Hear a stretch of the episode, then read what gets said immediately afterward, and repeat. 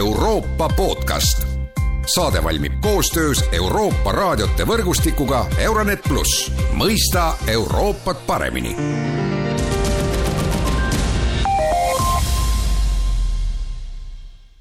tere taas kuulama Euroopa podcasti. kolmapäeval, kahekümne kolmandal novembril kuulutas Euroopa Parlament Venemaa terroristlikuks riigiks selle otsuse tagamaid aitab telefonitsi kommenteerida Euroopa Parlamendi saadik Urmas Paet, tere päevast! Tervist!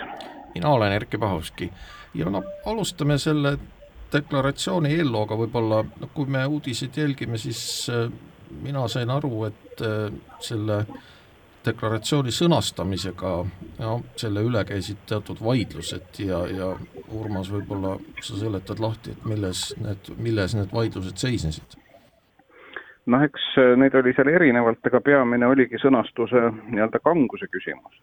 Et äh, kui resoluutselt äh, üht või teist asja sõnastada. nii et eks see oligi peamine. ja no tegelikult ju sellele Euroopa Parlamendi resolutsioonile eelnes ju ka Eestis Riigikogu avaldus siis, millega ka siis Venemaa kuulutati terrorismi toetavaks riigiks. kas oli tunda, et et, et seda Eesti sõnastust võetakse kuidagi üle või seda mudelit kopeeritakse või laiemalt Ida-Euroopa mudelit kopeeritakse või, või, või või tuli see idee Venemaa terrorismi, terrorismi toetavaks riigiks kuulutada kuskilt mujalt? no ma arvan, et peamine eeskuju selles osas on Ameerika Ühendriigid, kus äh, see äh, süsteem, et siis riiki, kes järjekindlalt rikub rahvusvahelist õigust ja viib läbi sisuliselt terroristlikke akte, siis ka ametlikult nimetatakse terrorismi toetavaks riigiks ja siis sellest tulenevad noh, sisuliselt automaatselt erinevad sanktsioonid ja piirangud. nii et nende arutelude käigus see Ühendriikide mudel oli see otsene eeskuju, nii et noh, kui vaadata nüüd Euroopa Liitu, Euroopa Parlamendi käitumist, siis see poliitiline deklaratsioon on tehtud aga noh, põhiline või isegi eh, noh, praktilises mõttes olulisem on see, et nüüd ikkagi Euroopa Komisjon ja muidugi Euroopa Nõukogul on seal oma suur roll, eh, peaks ka tekitama siis samasuguse ka õigusliku raamistiku, nagu on Ameerika Ühendriikides. et sellisele poliitilisele otsusele eh, järgnevad ka praktilised sammud siis terrorismi või terroristlikuks riigiks kuulutatud riigi käsitlemisel, et seda automaatikat täna Euroopa Liidul ei ole. No just sellest tahakski rääkida, et äh, kui lugeda kommentaare, mis puudutavad seda Euroopa Parlamendi deklaratsioone, siis sealt torkab silma tõesti, et, et noh, et see, et kuulutati Venemaa küll terroristlikuks äh, riigiks või terrorismi toetavaks riigiks, aga noh, samal ajal seda ei ümbritse selline õigusraamistik, nagu on Ameerika Ühendriikidel, kellel ju teadupärast äh, nende riikidega kes on ameeriklaste silmis terroristlikud või terrorismi toetavad, no neil ei ole diplomaatilisi suhteid, no neil ei ole näiteks diplomaatilisi suhteid Iraaniga, Põhja-Korea ja Süüriaga, et et kuidas, no just, et siit tekibki see küsimus, et kas siis nüüd Euroopa Liit peaks siis lõpetama Venemaaga ka diplomaatiliselt suhted seal deklaratsioonis tuuakse ka rida ettepanekuid, kuidas Venemaa vastu sanktsioone karmistada, kas siis nüüd on nende sanktsioonide karmistamine lihtsam või, või, või mitte? no ütleme nii, et poliitiline surve on kindlasti suurem, sest noh, poliitilise sõnumina on see Euroopa Parlamendi otsus ju ikkagi väga tugev sõnum. Aga selles osas ei ole midagi muutunud, et praktilisi samme saavad Euroopa Liidus otsustada ainult liikmesriigid ehk selles, see, kas nüüd sellele järgneb ka siis konkreetne õiguslik raamistik, nagu on Ameerika Ühendriikidel, või lihtsalt äh, lisatakse näiteks sanktsioone Venemaale, et see on täna liikmesriikide kätes, et parlament on teinud noh, sisuliselt sellise poliitilise üleskutse, aga kõik, mis puudutab äh, praktilisi samme, et see on noh, jätkuvalt Euroopa Liidu riikide käes, nii et see teeb ka meie olukorra näiteks Ameerikaga ühend, Ameerika Ühendriikidega võrreldes keerulisemaks, et noh, seal piisab, et üks valitsus midagi otsustab, aga meil on vaja, et kakskümmend seitse valitsust oleksid nõus.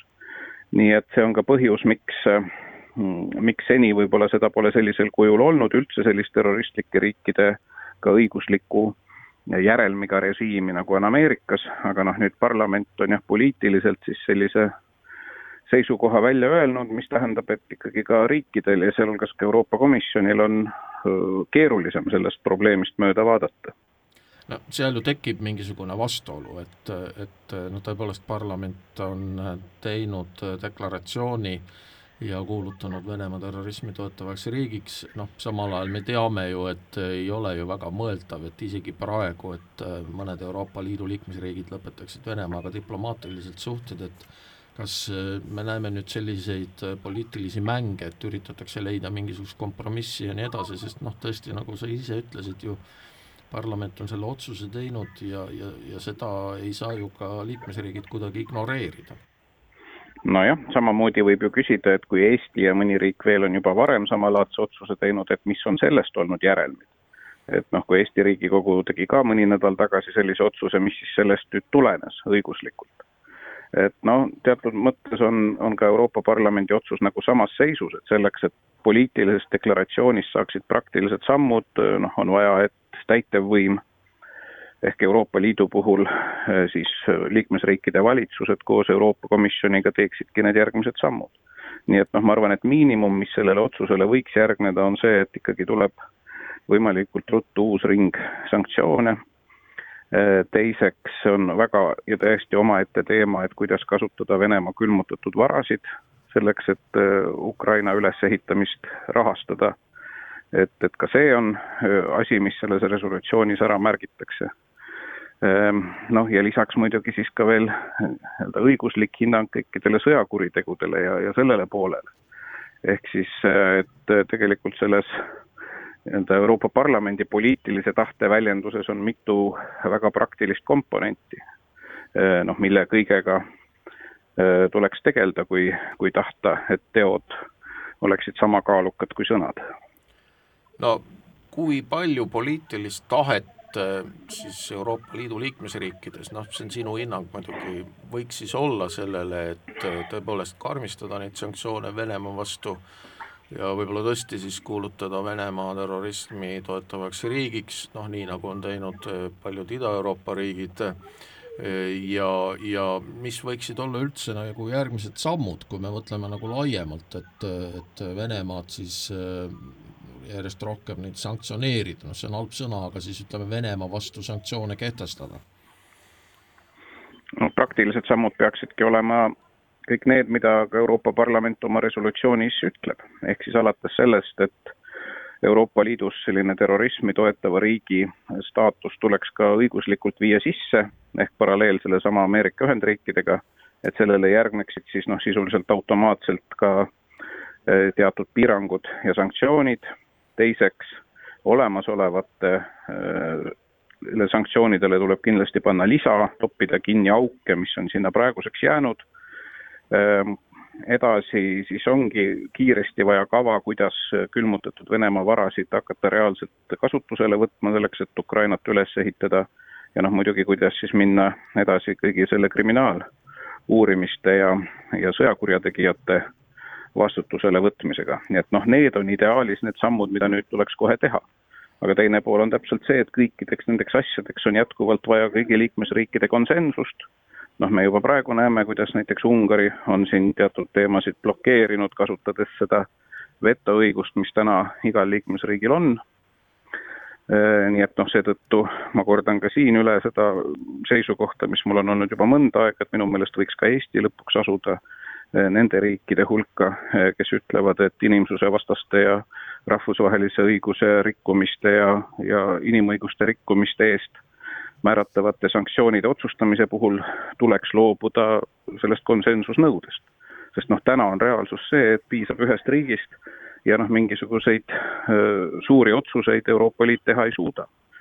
et ollakse sisuliselt noh, näiteks täna võib vabalt öelda Ungari pantvang mingisuguste